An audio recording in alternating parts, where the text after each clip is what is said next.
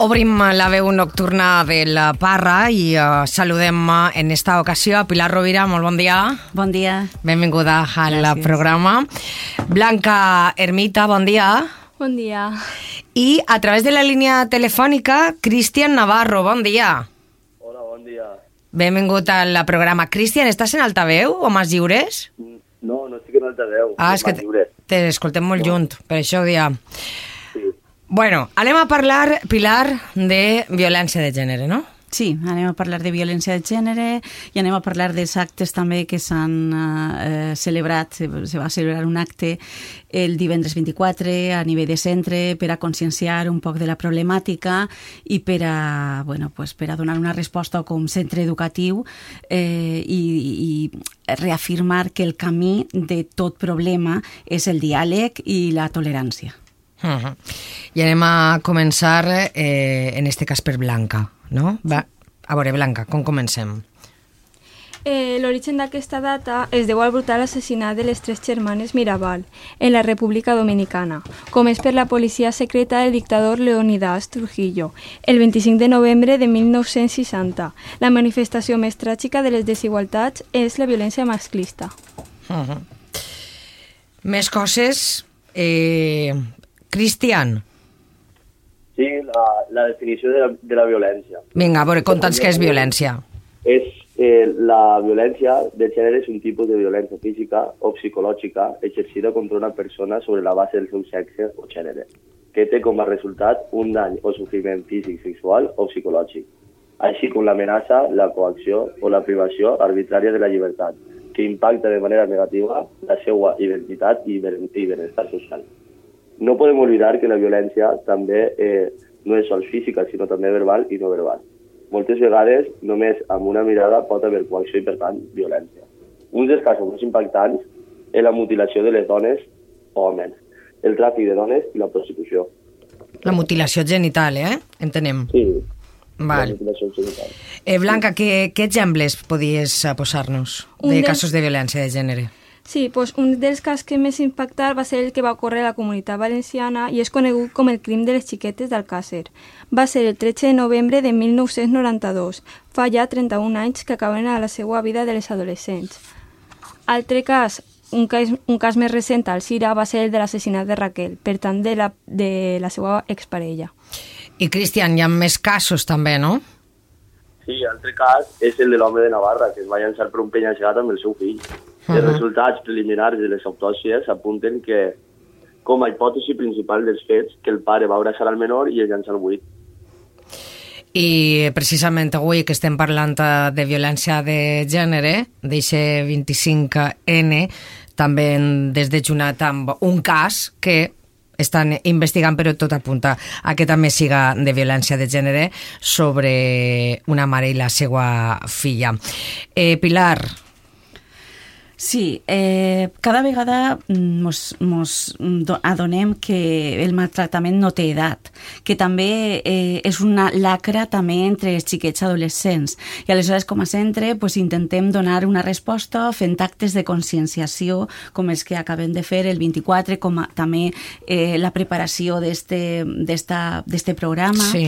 I, eh, i bueno, cada vegada trobem més casos entre els adolescents, com per exemple controlar el mòbil a les nòvies, controlar les contrasenyes per a que no se puguen comunicar en la resta d'amics o amigues i bueno, pues intentem pues, mm, fer mm, pues, mm, eh, lo que siga per a, Sí. per a poder parlar-ho i sobretot eh, intentar que això pues, no, no torni a passar. Blanca, eh, Cristian, vosaltres sou jovens. Com viviu aquestes situacions que estava contant Pilar, per exemple, el tema del mòbil?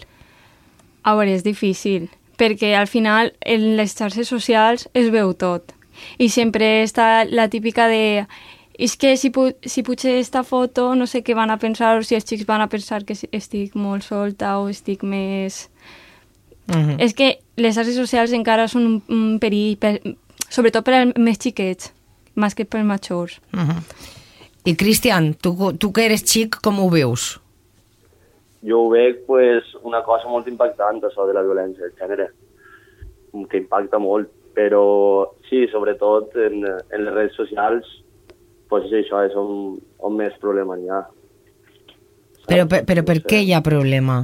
És que no acabo jo de... Jo, per exemple, com a dona, no sé si a Cristian li passarà, però n'hi ha moltes vegades que per les, les xarxes socials parlen xics molt més major que jo Sí. i me crea molta inseguretat perquè a lo millor és del meu poble i me veu un dia que estic tornant a soles de, de festa i me, me dona por, en plan, pensar que pot vindre per mi. Ja. Que ja me coneix per les xarxes socials, aunque jo les tinga eh, privar, Sí. ell pot accedir, perquè les tecnologies ara estan molt avan- avançades i pot veure el que vulgui. Uh -huh.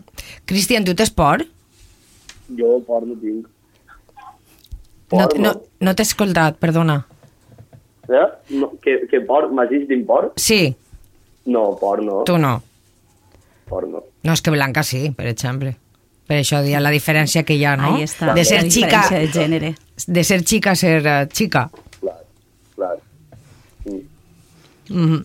eh, M'agradaria donar-vos unes dades eh, perquè estava, quan hem començat el programa estava mirant-ho eh, el cas que jo he comentat que, que hem sabut este matí eh, la xica eh, tenia 25 anys la seva filla 3 i el presumpte agressor 24 vull dir, mm, és gent molt jove que encara se compren menys, no?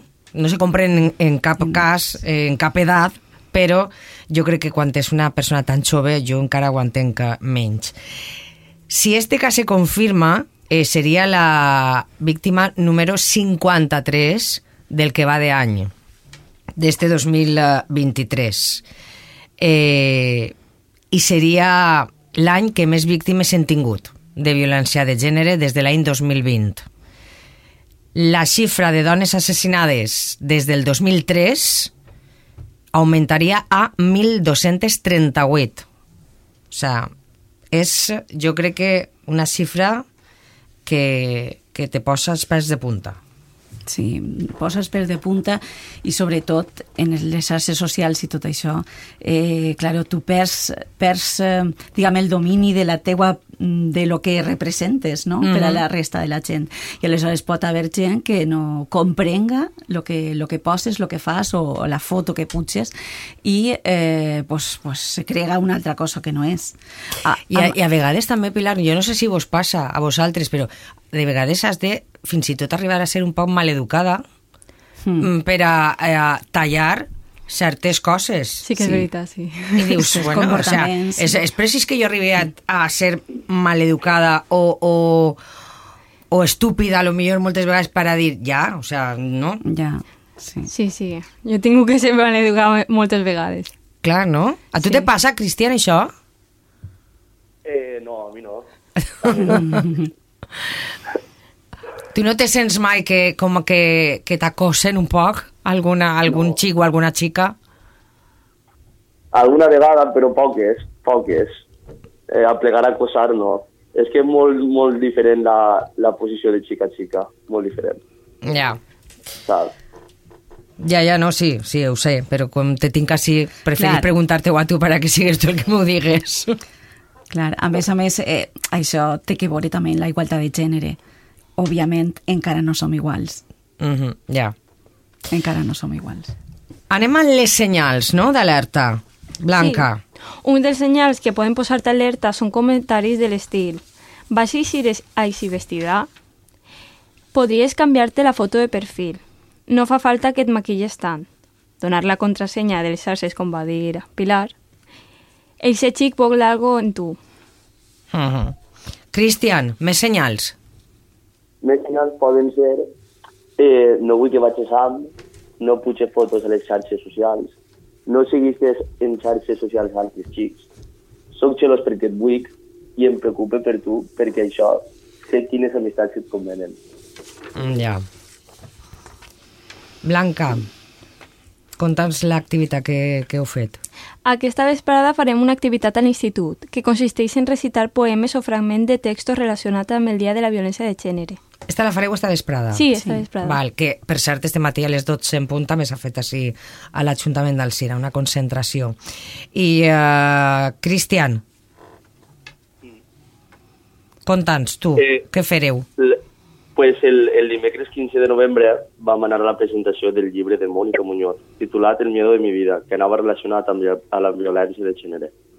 El llibre tracta sobre l'experiència personal de l'autora que va viure maltracte psi- psicològic durant 29 anys. Es va cridar l'atenció a la valentia de Mònica de fer publicitat la seva història i d'eixir del passat per poder refer la seva vida. Uh -huh. I, uh, Pilar, quines activitats feu a l'institut? Pues esta vesprada, com bé has dit, farem eh, en el nocturn eh, l'activitat de la lectura de, de poemes relacionats amb la igualtat i amb la violència de gènere i eh, per a, bueno, ells han treballat com a nocturn i en la classe de comunicació audiovisual el programa i el tema Mhm. i, i ara anem pues, a fer pues, això, una activitat de centre en el, en el pati del, del nocturn. Eh, de matí eh, ho vam fer divendres 24 la coordinadora de- d'Igualtat, Mercedes Albert, va treballar en els tutors i tutores eh, una sèrie d'activitats. Pues, per exemple, decorar els escalons del, del hall amb frases eh, en diferents idiomes relacionades amb la igualtat i amb la violència de gènere, tals com no estàs sola, alça la veu, que no es callen, la violència és la, la, la igualtat és l'ànima de la llibertat, el respeto nos une, és a dir, una sèrie de frases que s'han quedat ahí pegades en els escalons i, i presentisen molt el que és la violència de gènere i eh, a, a més a més que se du un recompte de les dones assassinades cada vegada, un poc per a conscienciar de que això està ahí, de que és un problema i de que és un problema també de masclisme i de desigualtat de Mhm. gènere. Sí. Val? I a banda d'això, que és molt visual i la veritat és que s'ha quedat molt bonico i molt bé. Eh, també ens han treballat durant este mes de novembre una sèrie de tallers, eh, han, han vingut eh, gent especialitzada a donar una espècie de conferències des, des, des del centre de la dona rural de l'interior mm, en Xàtiva, ubicat en Xàtiva, i s'han parlat pues, en primer de l'ESO de, de publicitat i sexisme i en segon de toxo, toxiescala, Eh, i, i, per al, I per al cicle de perruqueria i estètica capilar també han vingut a fer una espècie de taller de sexualitat que se titulava El desitge et desitge, perdó.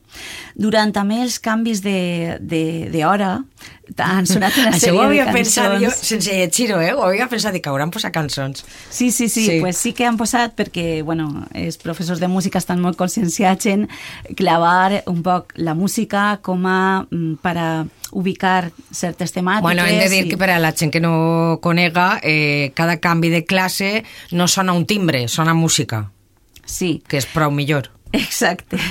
Aleshores s'han posat cançons durant tota esta setmana del Diluvi i Tu, Sols Tu, o Revoluciona d'Amaral, o En Guerra de Mafalda, o Estimat de Pupiles. Uh -huh. Val? I també, com dia abans, se va celebrar un acte de centre a les 10 i 20, el dia 24, en el que bueno, mm, eh, convidaven a tot el món a, a vestir de negre i eh, les persones, els professors i els alumnes i les professores que representaven a les 52 persones mortes, a les 52 dones mortes assassinades per violència de gènere, anaven també vestits de negre i amb una mascareta blanca. I conforme s'anaven anomenant, s'anomenaven els noms de les dones assassinades, anaven llevant-se la mascareta i deixant-la en terra. Un poc per a fer present que aquestes persones ens falten Sí, sí, sí. a la societat. Val, i, I a continuació se va, se va llegir un manifest en contra de la violència de gènere i per a finalitzar Ignasi Lloret, eh, professor de música, va interpretar el cant dels ocells. Per a, és una melodia molt per a reflexionar sobre Sí, el tema. molt bonica. Sí. Mm, nosaltres no anem a escoltar el cant dels ocells, però sí que anem a escoltar una cançó, no? Sí, Quina heu triat? La de Ni una más d'Aitana. Mm -hmm. Dime, dime. Hem agradat, Isa- nos ha agradat Isa perquè Aitana és una cantant que és molt nova, en plan molt recent, és jove, i la cançó també està reflexada amb, el, amb les xicones que, pa, que patim por i que no volen que n'hi hagi ninguna més. Molt bé. Cristian, tu vols afegir alguna cosa més? No, ja està, ja està tot. Bueno, pues anem a deixar-te que continues. Gràcies. Vale, gràcies. Adeu. Ni una más, mm, d'Aitana. Eh, Pilar, Blanca, gràcies per acompanyar-nos. Gràcies a, A tu. tu. I a veure si s'acaba passar por. Eh? Sí. Gràcies a les dos.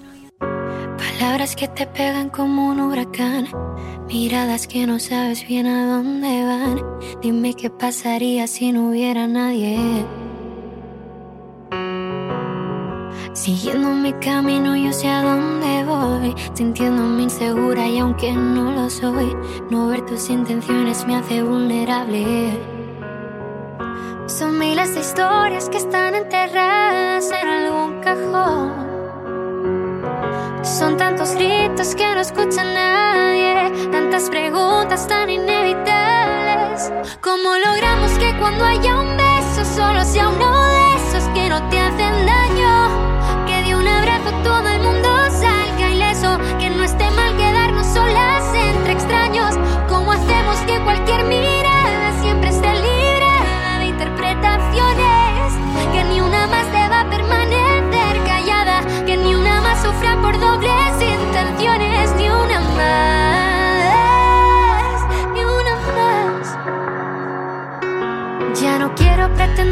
normal sentirse así, ya no volveré a ignorar el silencio tras de mí si callarnos. No va a cambiar las cosas, sabes que esa